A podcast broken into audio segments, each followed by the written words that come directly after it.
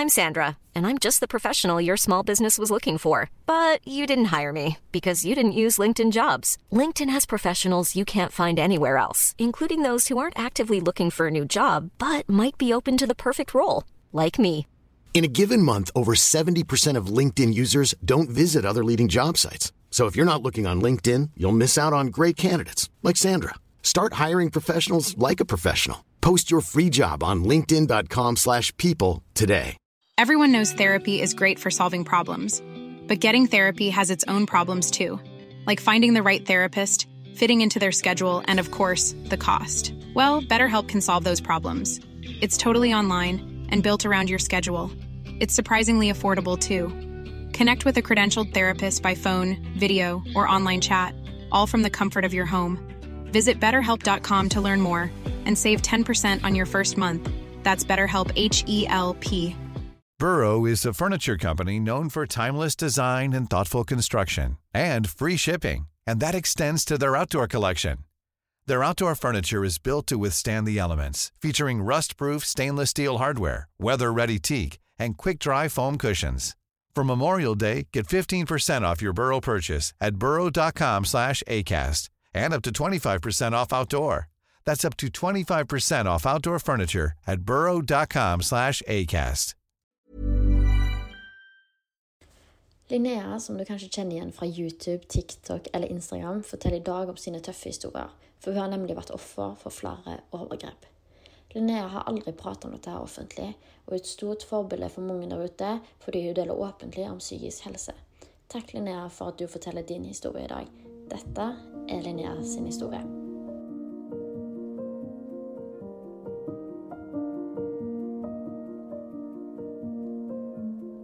Men du kan jo starte da og fortelle om deg før overgrepene skjedde. Hvordan var du da? Altså eh, Nei, når jeg var barn, eller sen barndom, tidlig eh, ungdom, eh, så begynte jeg å slite mye mer eh, åpenbart psykisk. Da. Jeg hadde hatt angst og sånn fra jeg var liten, men så begynte jeg å bli mer sånn åpenbart syk fra andres øyne. Eh, og da jeg var rundt sjette klasse, så begynte jeg å utvikle en spiseforstyrrelse. Og det er på en måte hva som leda inn til det første nettovergrepet.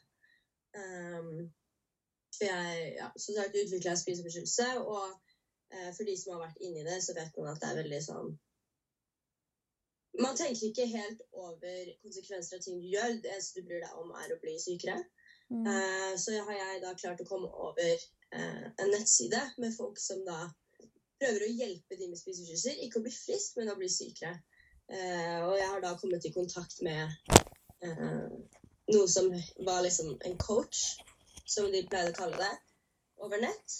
Eh, som jeg trodde da var en annen jente på min alder, som da skulle hjelpe meg å bli sykere. Og skulle liksom være litt streng med meg, da, med tanke på meg.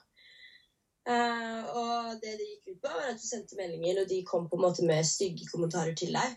Eh, om at å, du er tjukk, og du fortjener ikke å spise, og sånne ting. For å pushe deg dypere ned i sykdommen. Uh, en annen ting de også gjorde, var å uh, få deg til å sende bilder av kroppen din, sånn at de kunne si stygge ting om den. Mm. Uh, og jeg skjønte ikke med en gang hva det var jeg holdt på med. Det var ikke snakk om seksuelle bilder, men det var mer snakk om bilder hvor du da skulle se eh, hele kroppen og Mm. på vekten din og sånne ting. Eh, og så var det en dag da hvor eh, den personen jeg snakka med, eh, ba meg sende eh, bilder som var nærmere av kroppen min. Eh, og ville på en måte at jeg skulle ta av meg undertøyet for å liksom kunne se ordentlig. Mm. Eh, noe jeg ikke ville. Eh, som jeg sa nei til. Og eh, da jeg sa nei, så begynte han å eh, true meg med å spre disse bildene eh, av meg. Spre det til familie, venner, på nettet, overalt. Mm. Eh, og jeg fikk panikk, og det gikk inn i mitt første selvmordsforsøk. Eh, jeg vet fortsatt ikke om de bildene ble spredd, eh, eller om de ligger ute noe sted. Jeg vet ikke hvem den personen her er. Eh, men ja. Det var starten på det, egentlig. Mm. Eh, jeg husker jeg syntes det var veldig, veldig skummelt. Mm. Så det er på en måte den delen. Eh, og så var det et år senere så opplevde jeg et uh, fysisk overgrep. Uh, som var av en som var like gammel som meg.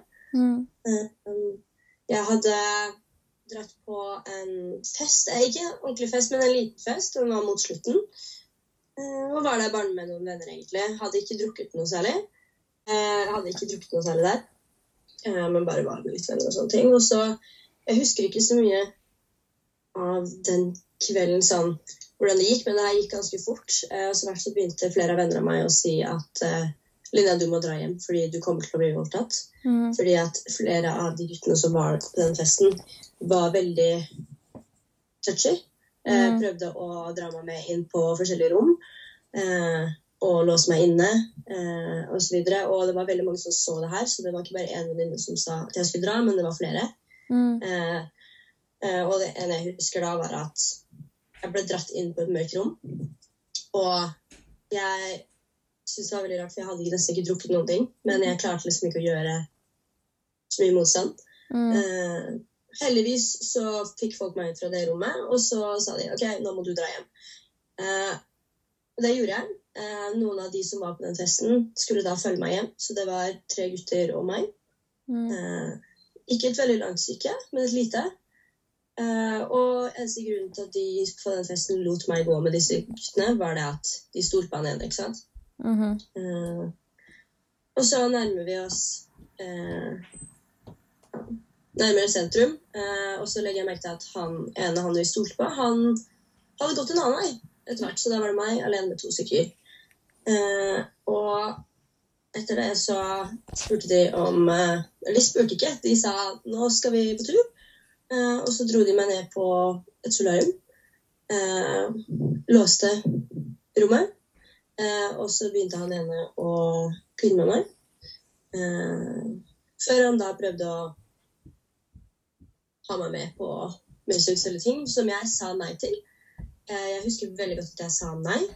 Eh, og istedenfor at han respekterte det, så kvelte han meg.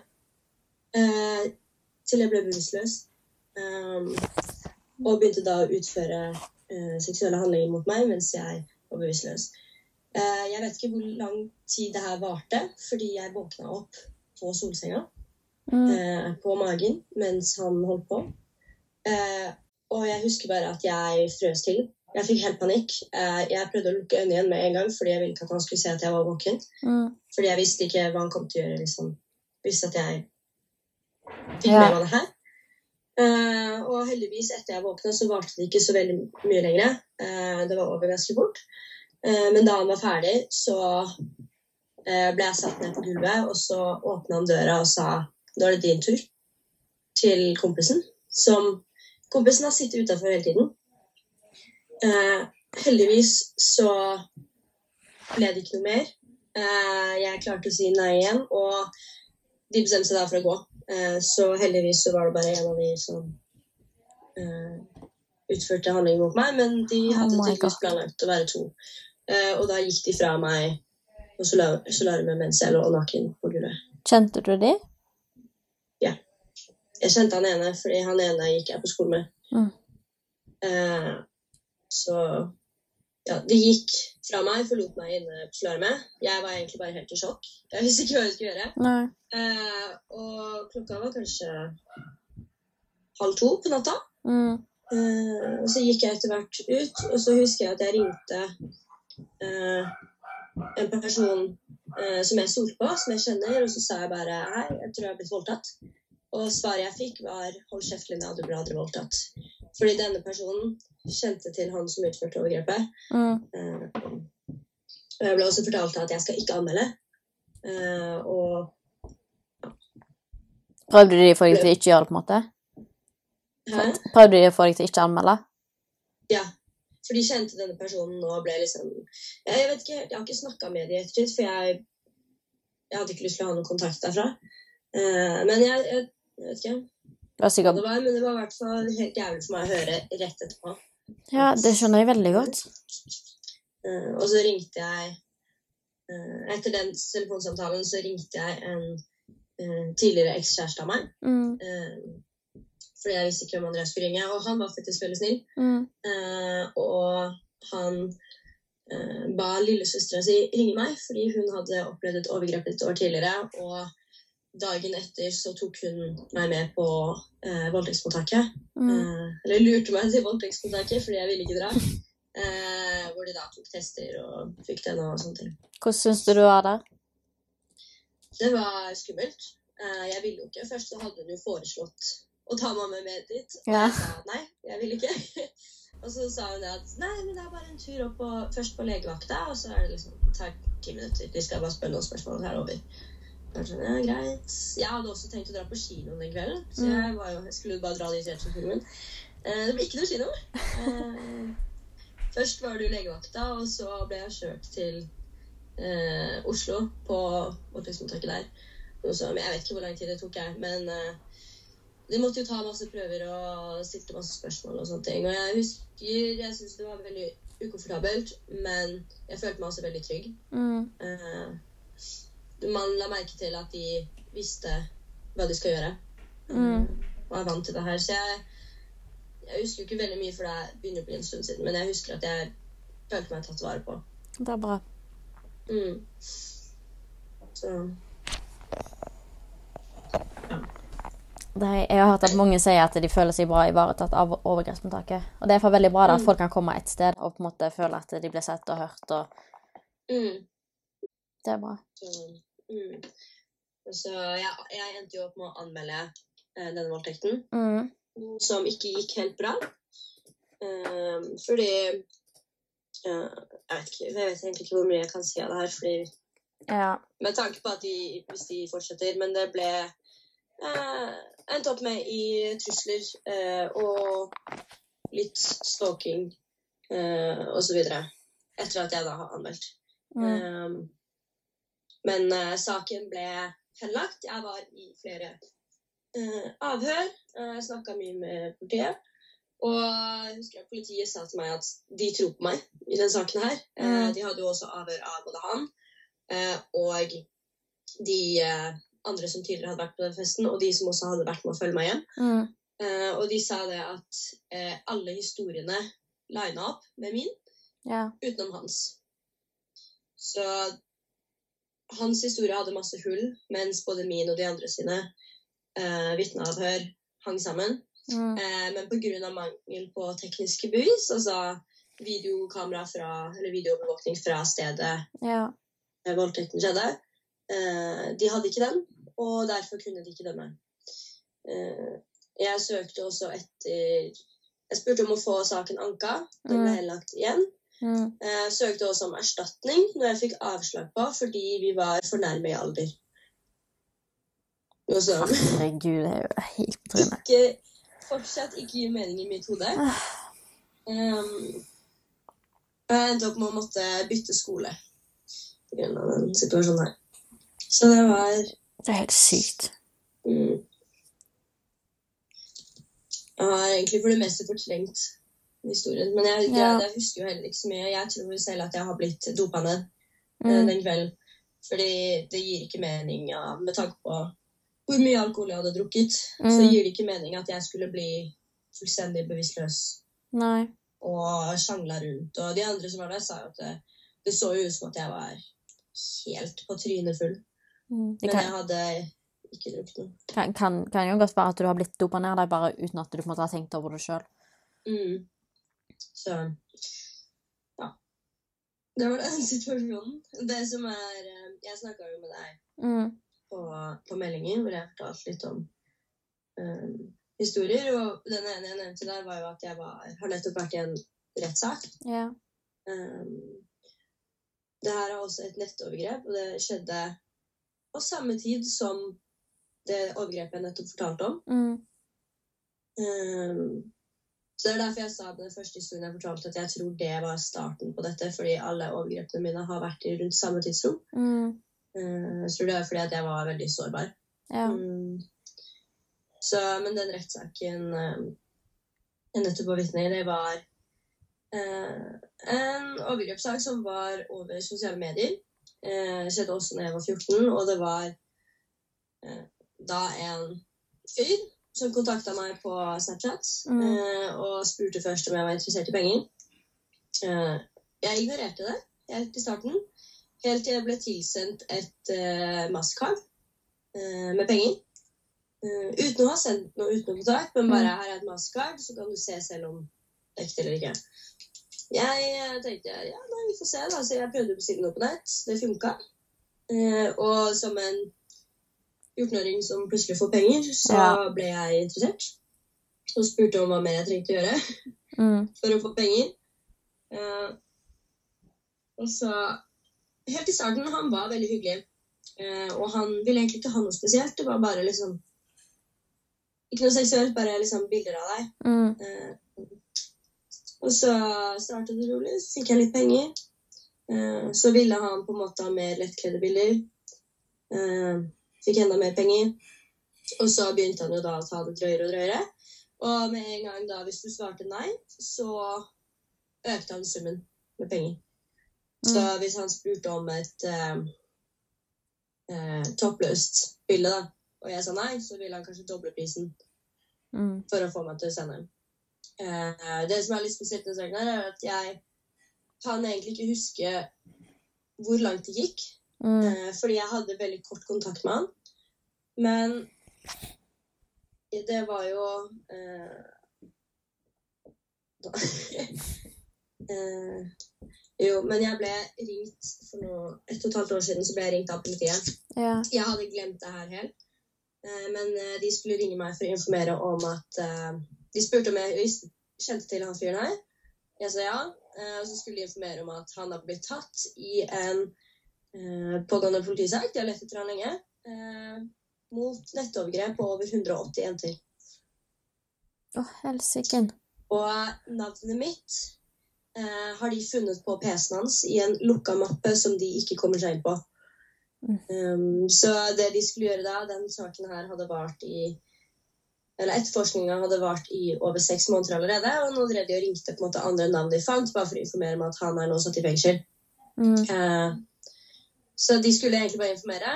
Uh, så de dobbeltsjekka på en måte brukernavn og sånne ting for å verifisere at det er samme. Mm. Eh, men jeg hadde også flere navn.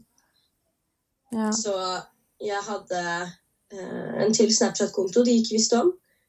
Jeg hadde to til mailer, mailadresser. Mm. Og jeg hadde også eh, bevis på mail hvor han tilbyr eh, penger for bilder. Eh, noe som gjør at de åpna opp saken igjen. Mm. Um, og de fant enda flere bevis. De, jeg fikk ikke vite så mye over med tanke på ofrene, men jeg er ganske sikker på at de også fant flere ofre i de andre kontoene som ja. de ikke var klar over.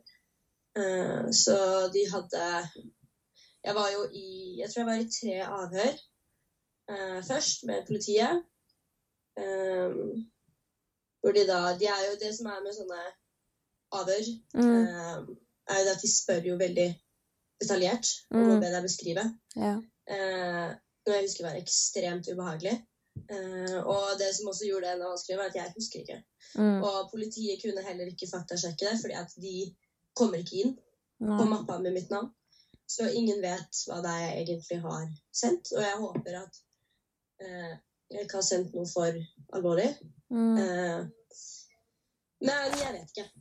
Eh, så når jeg møtte han i rettssaken Jeg hadde to rettssaker. Um, og uh, den første så anka han jo etter uh, dommen sin. Først så fikk han 14 år. Uh, og så anka han. Og i rettssak nummer to så tapte han på nytt og fikk 16 år, tror jeg. men det som også er interessant med den, er at av alle de Det var 180 jenter involvert. Det var 70 eh, tror jeg, jenter som var i avhør, nei, som var i rettssaken. Mm. Og kun to av de eh, sa han seg skyldig, hvorav en av de er meg. Oi. Så det er litt spesielt. Hvordan syns du det var å være i rettssak, da? Det var Jeg hadde rettssaken over nett. Eh, og sånn, litt sånn greie som Teams, bare mm. politiet og rettens egen side. Eh, så heldigvis så slapp jeg å se han. Mm. Eh, det er jeg veldig glad for, for jeg tror det hadde vært veldig mye vanskeligere hvis jeg kunne sett han. Eh, så det er jeg veldig glad for, men jeg syns det var veldig ubehagelig. fordi med tanke på samme, de, de, samme ubehagelige spørsmålene de stilte i avhør, det må mm. de også stille i retten. Ja. Så det hjelper ikke å si at han spurte om å uh, få se bilder uten klær. De skulle vite nøyaktig hva det var, og hvilke kroppsdeler osv. han ville se. Uh, så det er veldig ekkelt å på en måte måtte uttale seg sånn foran retten. Mm. Men uh, det gikk fint. Det var jo, Advokaten min var jo også på det, i denne saken. Hun uh, eh, snakka også for meg. Jeg husker det var veldig ubehagelig. Jeg fikk jo også lov til å, etter min, min snakkedel var på en måte ferdig, så fikk jeg også muligheten om å enten avslutte Teams-møtet, på en måte, eller mm. så kunne jeg også velge å høre hans um, Hva skal jeg kalle det? Forklaring? Hans forklaring, ja. Mm. Uh, noe jeg valgte å gjøre. Uh, jeg hørte på hans forklaring. Jeg fikk ikke se han, men jeg hørte det. Uh, og jeg ble kvalm når jeg hørte han snakke. Eh, fordi når jeg hadde prat, eller hatt kontakt med han tidligere, så utga han seg for å være en 20 eh, år gammel gutt fra Oslo. Mm. Han var en 64 år gammel mann fra Trondheim. Uh, og det er veldig ekkelt, for du kan på en måte høre Når han gir sin forklaring, så han prøver å si at han ikke er skyldig, men han gir på en måte også sånne små tegn til at ja, han syns du er fin. Mm. Så du kan liksom hø kunne høre han si at 'jeg ser bra ut'. Ja. Hvor han da snakker om et barn. Det er helt sykt. Og det var ekstremt ekkelt. Og det som gjorde at uh, på en måte han jeg, jeg, tror han ble på en måte at han hadde ikke noe valg om å si seg skyldig i det, fordi uh, på samme tidsrommet så hadde jeg også et selvmordsforsøk mm. like etter. Uh, noe retten også da tok opp. Og jeg husker at de spurte han er det noen grunn til at vi ikke skal tro på det Linnea sier, og da svarte han nei. Eh, så jeg vet ikke om psyken min, hvis den ikke hadde vært på en måte relevant, om han hadde sagt seg skyldig eller ikke, det vet jeg ikke. Men uh, han sa seg i hvert fall skyldig. Uh, og jeg er bare veldig glad for at han kom i fengsel, ja. for det fortjener han.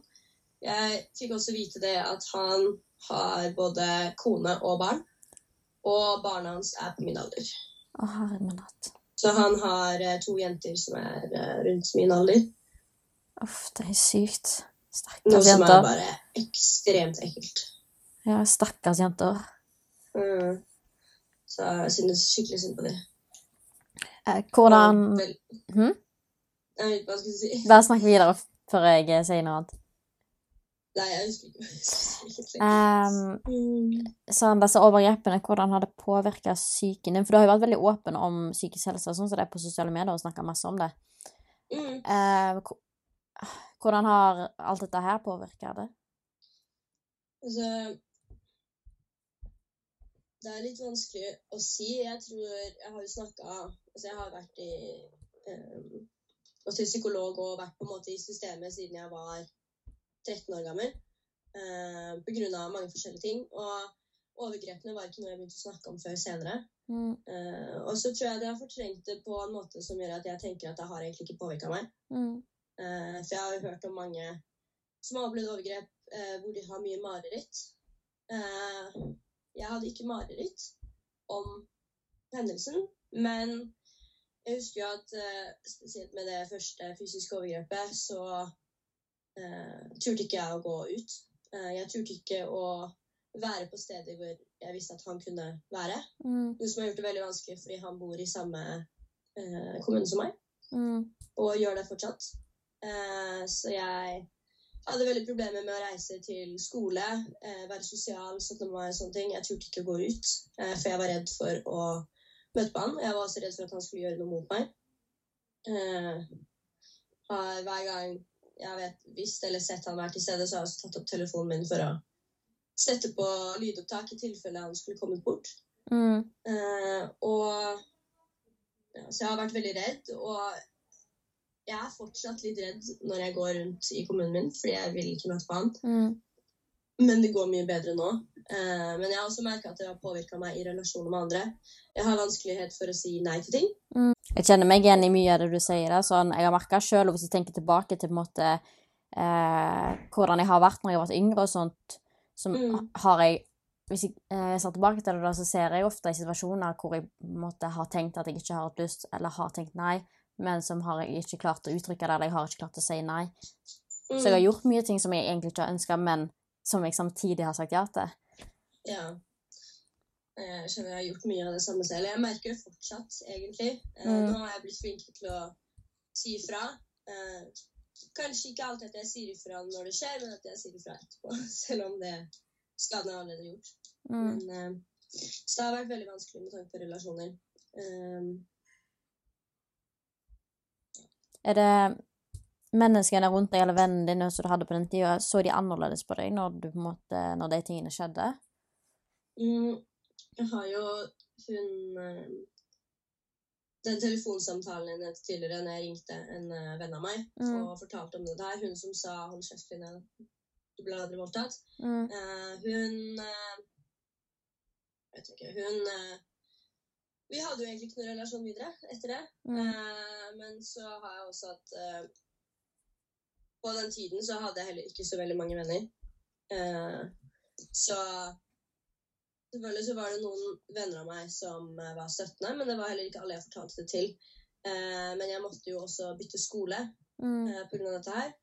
Og ingen av de jeg gikk på skole med der, har jeg heller hatt noe kontakt med. Eh, og jeg hadde jo ikke jeg hadde jo ikke noen intensjon om at det her skulle bli på en måte noe folk visste om. Eh, men det har blitt spredd. Eh, så jeg har jo fått høre kommentarer av andre i ettertid etter det her skjedde. Ikke, Mm. ikke på noen år nå, men det er folk som ikke trodde på meg. Um, men alle de vennskapene jeg hadde på den tida, har jeg ikke lenger nå. Mm. Så. Mm. Har du If you're looking for plump lips that last, you need to know about Juvederm lip fillers. With Juvederm Volbella XC and Juvederm Ultra XC, your lip look, whether it's subtle or bold, can last up to one full year with optimal treatment and no additional maintenance. Find a licensed specialist and see if it's right for you at juvederm.com today. That's J U V E D E R M.com. Add fullness to lips in adults over 21 with Juvederm Volbella XC or Juvederm Ultra XC. Do not use if you have severe allergies or a history of severe allergic reactions, or if you're allergic to lidocaine or the proteins used in Juvederm. Tell your doctor if you have a history of scarring or taking medicines that decrease the body's immune response or that can prolong bleeding. Common side effects include injection site redness, swelling, pain, tenderness, firmness, lumps, bumps, bruising, discoloration, or itching. As with all fillers, there's a rare risk of unintentional injection into a blood vessel, which can cause vision abnormalities, blindness, stroke, temporary scabs, or scarring. For full important safety information, visit juvederm.com. I'm Sandra, and I'm just the professional your small business was looking for. But you didn't hire me because you didn't use LinkedIn jobs. LinkedIn has professionals you can't find anywhere else, including those who aren't actively looking for a new job but might be open to the perfect role, like me. In a given month, over 70% of LinkedIn users don't visit other leading job sites. So if you're not looking on LinkedIn, you'll miss out on great candidates like Sandra. Start hiring professionals like a professional. Post your free job on linkedin.com/people slash people today. Har du fått bearbeida det som skjedde med deg nå? Um, Fordi du snakker, ve Ja. du snakker veldig, eh, veldig lett om det. mm, det har jeg fått høre mye med ikke bare liksom disse situasjonene her, men også med andre ting jeg sliter med. Det er derfor jeg også klarer å snakke lett om psykisk helse på sosiale medier. Mm, Det er, Jeg tror ikke nødvendigvis er fordi jeg har bearbeida det ordentlig, mm, eh, men fordi jeg Jeg har jo en uh, diagnose som heter emosjonelt ustabil mm, personlighetsforstyrrelse. Og um, en ting jeg har blitt veldig flink på, er å skyve vanskelige situasjoner bort. Mm. Eh, så jeg dissosierer veldig mye. mm, er veldig fjern, er ikke helt til stede. Eh, så når jeg snakker om ting som har skjedd med meg, da, eh, Mm. vonde ting, så klarer jeg på en måte ikke å um, kjøle på følelsene jeg hadde da. Jeg føler at jeg snakker mer om Jeg vet at det har skjedd, men det føles ikke ut som det har skjedd. på en måte. Så det er Mm. mer som at jeg snakker om en fakta. mm. Um, jeg klarer liksom ikke å plukke frem de følelsene jeg hadde på den tiden. mm. Det er litt vanskelig å forklare, men um, Jeg, tror, jeg tror jeg skjønner det hva du mener, da. Mm. Jeg har liksom skjøvet det så langt bak at det er sånn Jeg vet at det har skjedd, men jeg klarer ikke å innse at det virkelig har skjedd. Ja. Eh, med mindre noe på en måte trigger eh, situasjonen. Altså hvis jeg kommer i en situasjon hvor noe minner meg på det, så blir det veldig følsomt. Men når det nå, nå som jeg sitter her på rommet, på en måte, så ligger det så langt bak at eh, Du, du, sa, du, sa, du svarte egentlig litt på det nå, da, men føler du deg trygg når du går ut i dag? Det spørs hvor jeg går, Mm. egentlig. Eh, det går mye bedre nå å gå rundt ved der jeg bor, eh, men jeg føler meg fortsatt ikke helt trygg. Mm. Eh, jeg blir urolig og vil helst ha en annen person med meg. Mm. Ehm, hvordan har du møtt Eller hvordan har du blitt møtt da når det kommer til sånn psykisk helse og sånn som det? Mm. Med sånn vennskap og sånne ting, eller på Ja, eller skal vi se eh, Sånn psykolog og sånt. Hvordan har du blitt møtt? Ja. ja, jeg har jo hatt eh, mange forskjellige psykologer oppover eh, tidene. Hun jeg har nå, er veldig, veldig flink. Mm. Eh, elsker henne veldig mye. Ehm, så jeg har generelt hatt veldig gode erfaringer med uh, helsevesenet i Norge. Men jeg har jo også hatt uh, noen negative Mm. da jeg var yngre. Men de negative erfaringene da jeg var yngre på BUP osv., det har jeg innsett at hadde egentlig ikke så mye med behandleren å gjøre. Det var mer det at jeg ikke ville ha hjelpen. Mm. Uh, Så jeg har, jo, jeg har jo lest hele journalen min fra jeg var 12 år til 20. Mm. Eh, og der står det jo også at jeg er veldig resistans til behandling. Mm. Eh, jeg satt gjerne i stolen på rommet og sa ingenting, og sa bare rett ut 'jeg vil ikke snakke'. Mm. Eh, ble sur på de, ville ikke prate, ville ikke si noen ting. Eh, gikk ut derfra, osv. Så, videre. så jeg tror mye av det var nok det at jeg selv ikke ville ha hjelp. Jeg følte ikke at jeg var syk nok til å få hjelp. Mm. Um, men etter hvert så begynte jeg å ta det inn, og eh, etter jeg begynte på en måte å si ifra om Hvis det var noe jeg ikke likte da, eller hvis jeg ikke på en måte matcha med behandleren og sånne ting, etter jeg begynte å si ifra om det, Mm. så ble det veldig mye bedre. Mm. Eh, Da du, har jeg klart å ha mer åpne samtaler med dem. ja, at du på en måte Du ble på en måte litt klar da for å få hjelp? Ja. Mm. Sånn eh, Vi snakker jo hele tida om på sosiale medier og i aviser og overalt at på en måte en endring må skje, men hva tror du den endringen er? Um, Nå snakker jeg egentlig litt sånn generelt, altså. Jeg mener ikke noe spesifikt. ja. Nei. Uh, når du stiller spørsmål, så tenker jeg på to ting. Enten sånn endring i helsevesenet, eller endring for å få det bra selv. Mm. Eh, med helsevesenet uh, så er det egentlig ikke så mye man selv får gjort. Jeg tenker at det er staten som må gjøre de endringene. For jeg har jo også møtt flere psykologer som har begynt å gråte i timer fordi at de har så lyst til å hjelpe, Mm. eh, men de har ikke kapasitet til å hjelpe alle. Mm. Og de syns det er veldig vanskelig. Eh, så det er på en måte ligger alt på staten Mm. eh, å skape mer kapasitet. Og for å få en endring med tanke på seg selv og sin egen helse, så i hvert fall for meg så merker jeg det at har egentlig ikke noe å si hvor mye hjelp du får, hva slags hjelp du får, eh, hvor mange som støtter. fordi hvis ikke du selv vil ha den hjelpen, Mm. eller er åpen til å ta imot det, så vil det ikke funke. Eh, jeg hadde et stort støttesystem når jeg begynte å bli syk. Mm. Eh, prøv, folk rundt meg prøvde desperat å hjelpe, eh, men det nytta ikke. Eh, fordi jeg var ikke klar for å bli frisk. Og det hjelper ikke å hjelpe noen som ikke ha hjelp. Nei. Så det må komme innenfra. Mm. Eh, har det påvirka deg nå at sakene dine ble henlagt? Eller nå vet ikke jeg Ja. hvilke av de du har anmeldt, og jeg tror jeg har sånn viss eh, oversikt over hvilke du anmeldte. Nå.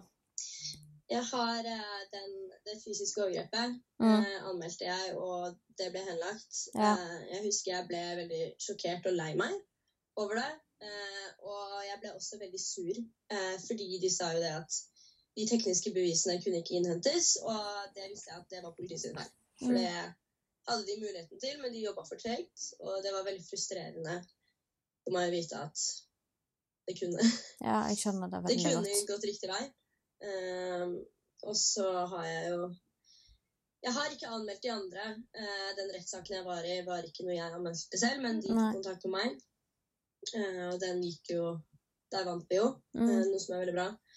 Men jeg har jo også eh, det andre fysiske Nei, det andre nettovergrepet, det første Mm. jeg snakka om, det anmeldte jeg ikke.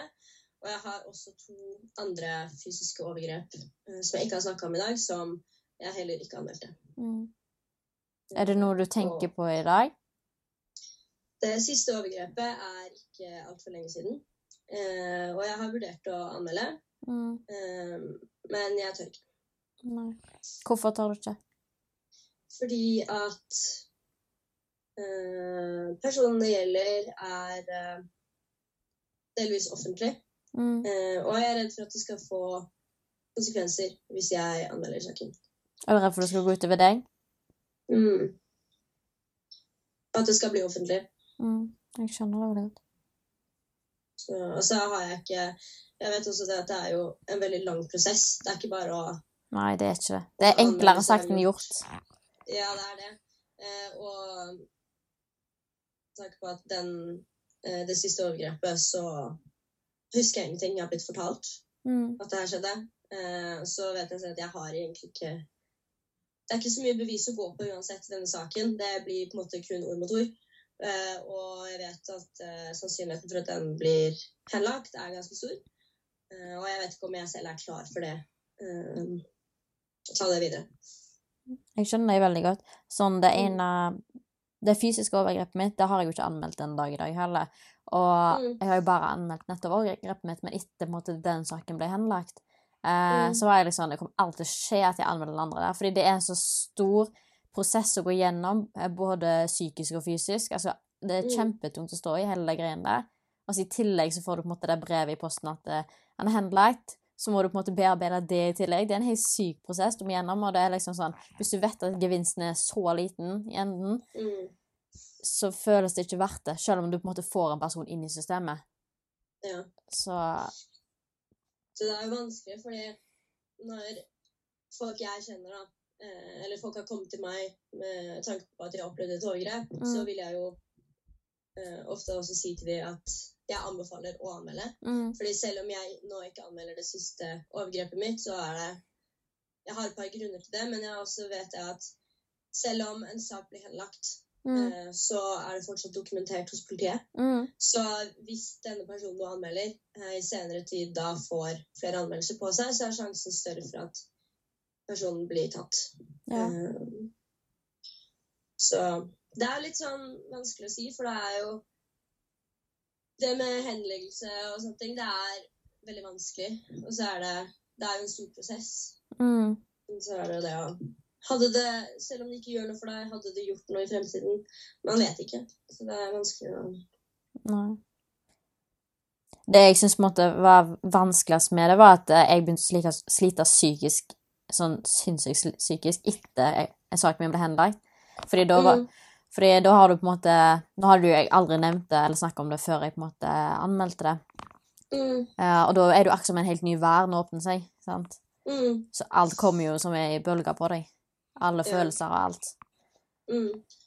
Jeg tror grunnen til at jeg uh, har ofte tenkt at det har egentlig ikke påvirka meg så mye, fordi at det har vært vanskelig for meg å akseptere at overgrepene faktisk har skjedd. Mm. Uh, jeg husker jo at selv med det fysiske overgrepet hvor jeg ble kvelt, Mm. uh, så tenkte jeg selv det at Men er det en voldtekt, liksom? Kunne jeg gjort noe mer for å stoppe det? Eller var det min skyld? Eller uh, Jeg klarte liksom ikke å innse det at det faktisk var et overgrep, og derfor var det så vanskelig å skulle bearbeide det, fordi jeg klarte ikke å innse at det hadde skjedd.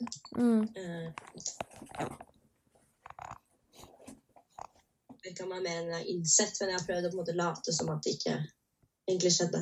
Mm. Det er som ikke ville tro på det sjøl. Mm. Hvorfor tror du det? Jeg prøvde nesten å forsvare det. Okay.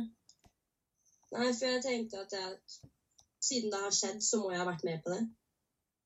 På en måte. Men tror du, da, tror du det har noe at du har skamma deg over det òg? Ja. At du har lyst til å beskytte deg sjøl for det? Ja. Mm.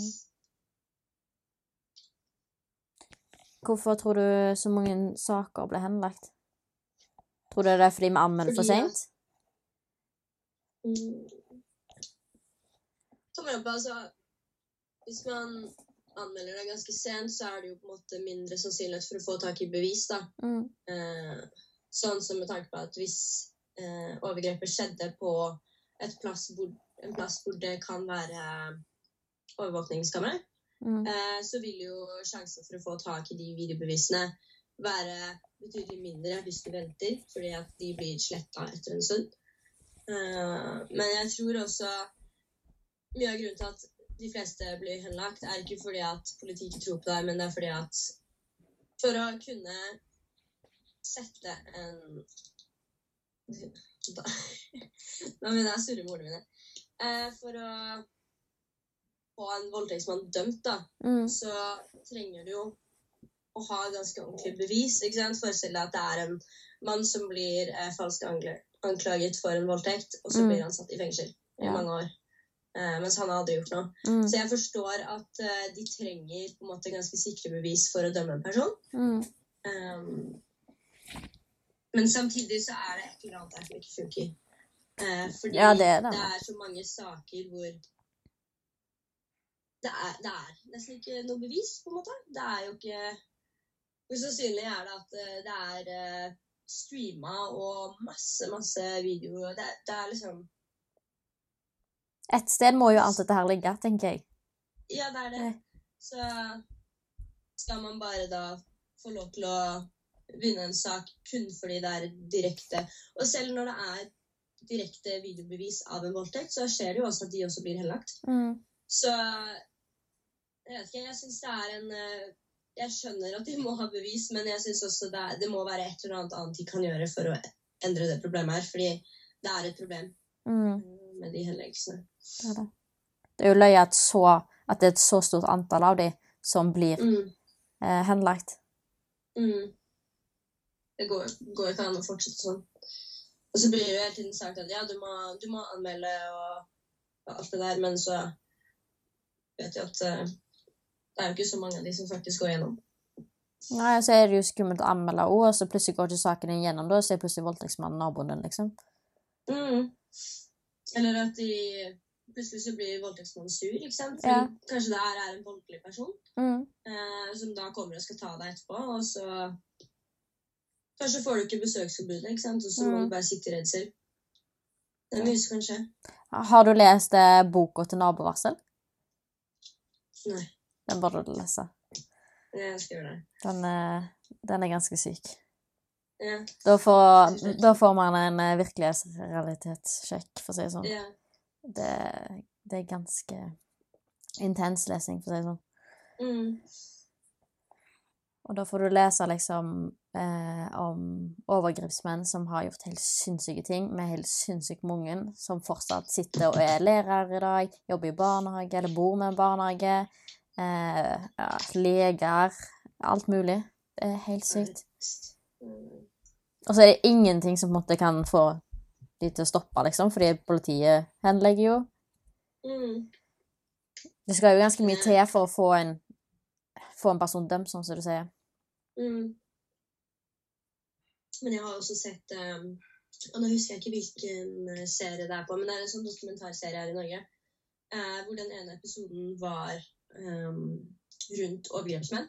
Mm. Uh, hvor de da snakka med politiet, de snakka med en som er dømt eh, for voldtekt, eh, og også de som Jeg husker ikke hva det heter, men de som på en måte er øverst i det med å håndtere voldtekter og sånne ting i Norge. Eh, og der er det flere av de eh, i rettssystemet som sier det at det må bli gjort en endring. Mm. Eh, for de vet selv at det her funker ikke. Mm. Så jeg skjønner bare ikke hvor mye er det som skal til før de faktisk gjør noe med det. Og så synes jeg, altså, skjønner, klarer jeg ikke helt å se for meg hvilken endring de skal gjøre heller. Nei, det er akkurat det. Så, For det er jo så å si alltid ord mot ord, egentlig, hvis, med mindre du på en måte har Ja, selv om du har masse bevis da, at du har snakka med denne personen, eller har bilder av chatter eller bilder eller mm, alt dette her. mm. Nei, det er vanskelig. For det er, hvordan skal man klare å bevise det uten bevis? på en måte? Ja. Jeg, jeg, vet, jeg skjønner heller ikke helt hvordan de skal endre det selv, men Noe må de gjøre. Ja, for det er nok derfor de bruker så lang tid på å faktisk gjøre noe. Fordi at jeg tror ikke de vet selv. Nei, og så har de jo snakka om denne her samtykkeloven lenge, men egentlig, sånn helt ærlig, jeg vet ikke hva den samtykkeloven skal gjøre, fordi ja, nei er et nei, men det blir jo fortsatt ord mot ord. Det er akkurat det. Så hva skal man gjøre da? Skal man skrive under på en kontrakt rett før man starter? Jeg skjønner ikke Det er jo ikke, hold, det er jo ikke holdbart. Nei. Og så er det jo også det at eh, en, en voldtekt kan jo fortsatt være en voldtekt selv om du sa ja først. Ja. Ikke sant? Så eh, Nei, jeg vet heller ikke hvordan den samtykkeloven egentlig skulle gjort noen forskjell. Men jeg tror de har mye å gjøre da fra, på en måte, fra et barn et barn til han på en måte blir eldre, med dette her med Mm. verdier og på en måte hvordan gutter på en måte blir lært opp, og egentlig alt dette her med Mm. porno og alt sånt som det. For jeg tror mye av det å ha en har innspill i at det skjer så mye voldtekter. Mm. Nei, det må definitivt bli mer lærdom rundt det fra tidlig alder. Mm. Jeg tror mye av det ikke Jeg tenker på det ofte, både med liksom, psykisk helse og sånne ting generelt. Alle Mm. disse store problemene. Det må bli snakka om fra ung alder, Mm. så folk vet. Eh, jeg tror det hadde gjort veldig stor forskjell hvis de, skolen faktisk fokuserte mer på å lære om det med samtykke eh, og psykisk helse og alt det fra de er unge.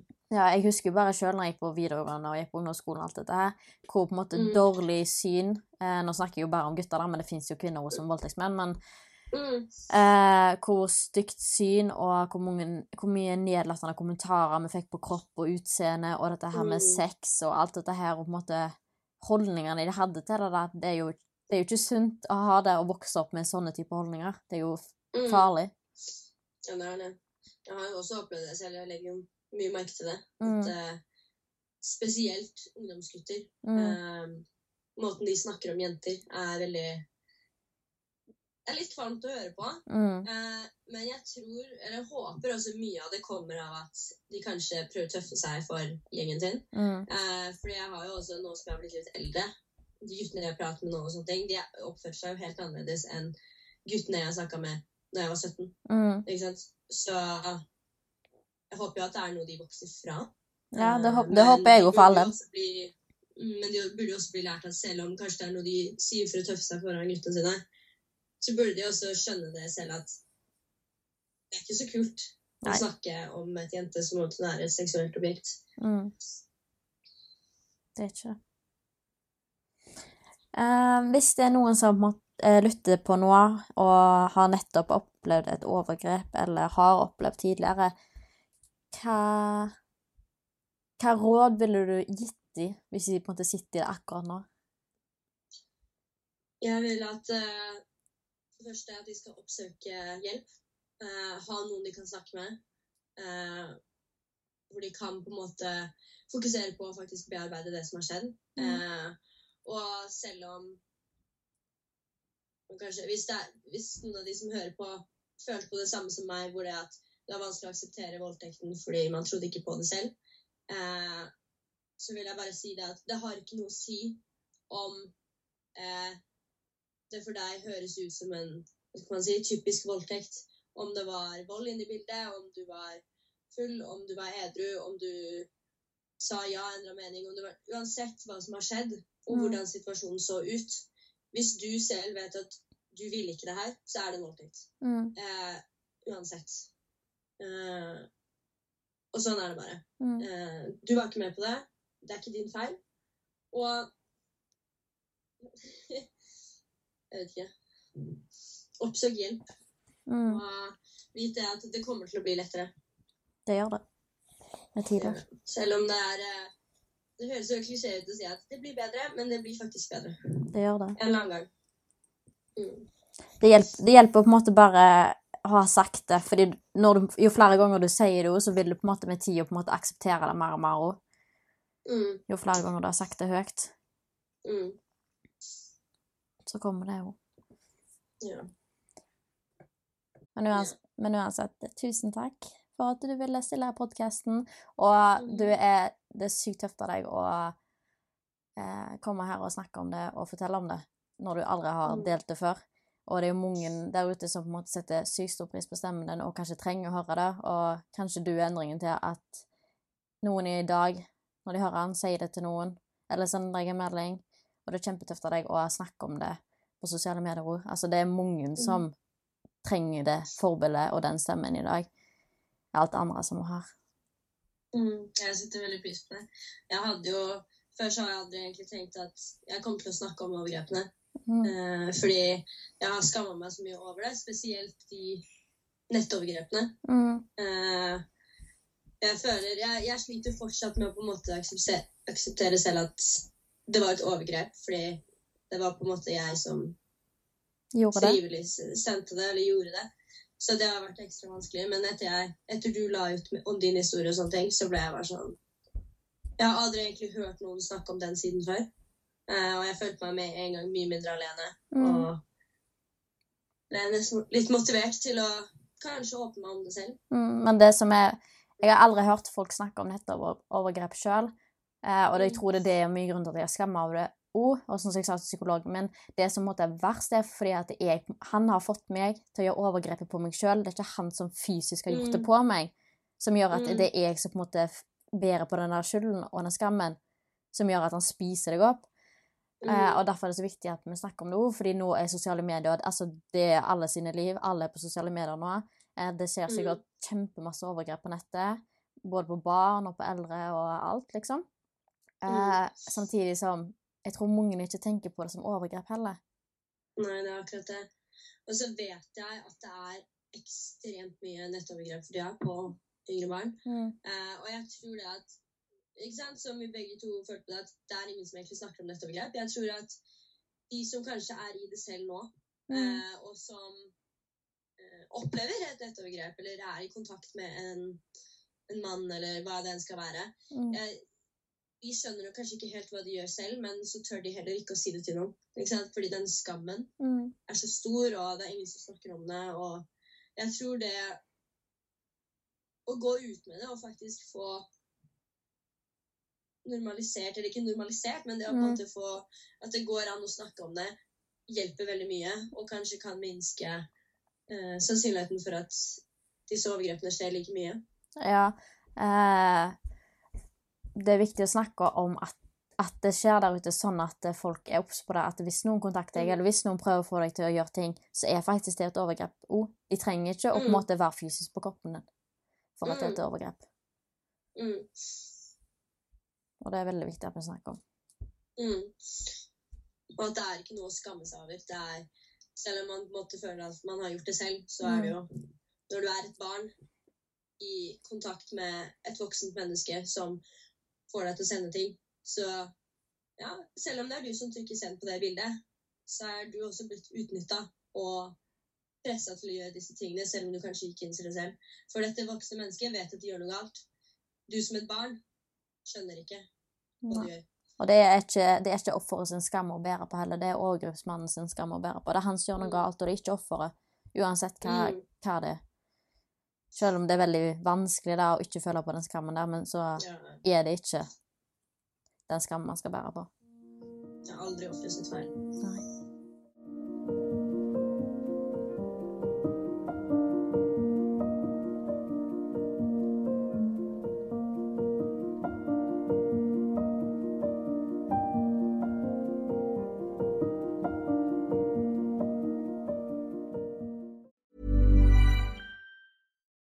When we're on a budget, we still deserve nice things. Quince is a place to scoop up stunning high-end goods for 50 to 80% less than similar brands. They have buttery soft cashmere sweaters starting at $50, luxurious Italian leather bags, and so much more. Plus, Quince only works with factories that use safe, ethical, and responsible manufacturing. Get the high-end goods you'll love without the high price tag with Quince. Go to quince.com slash style for free shipping and 365-day returns.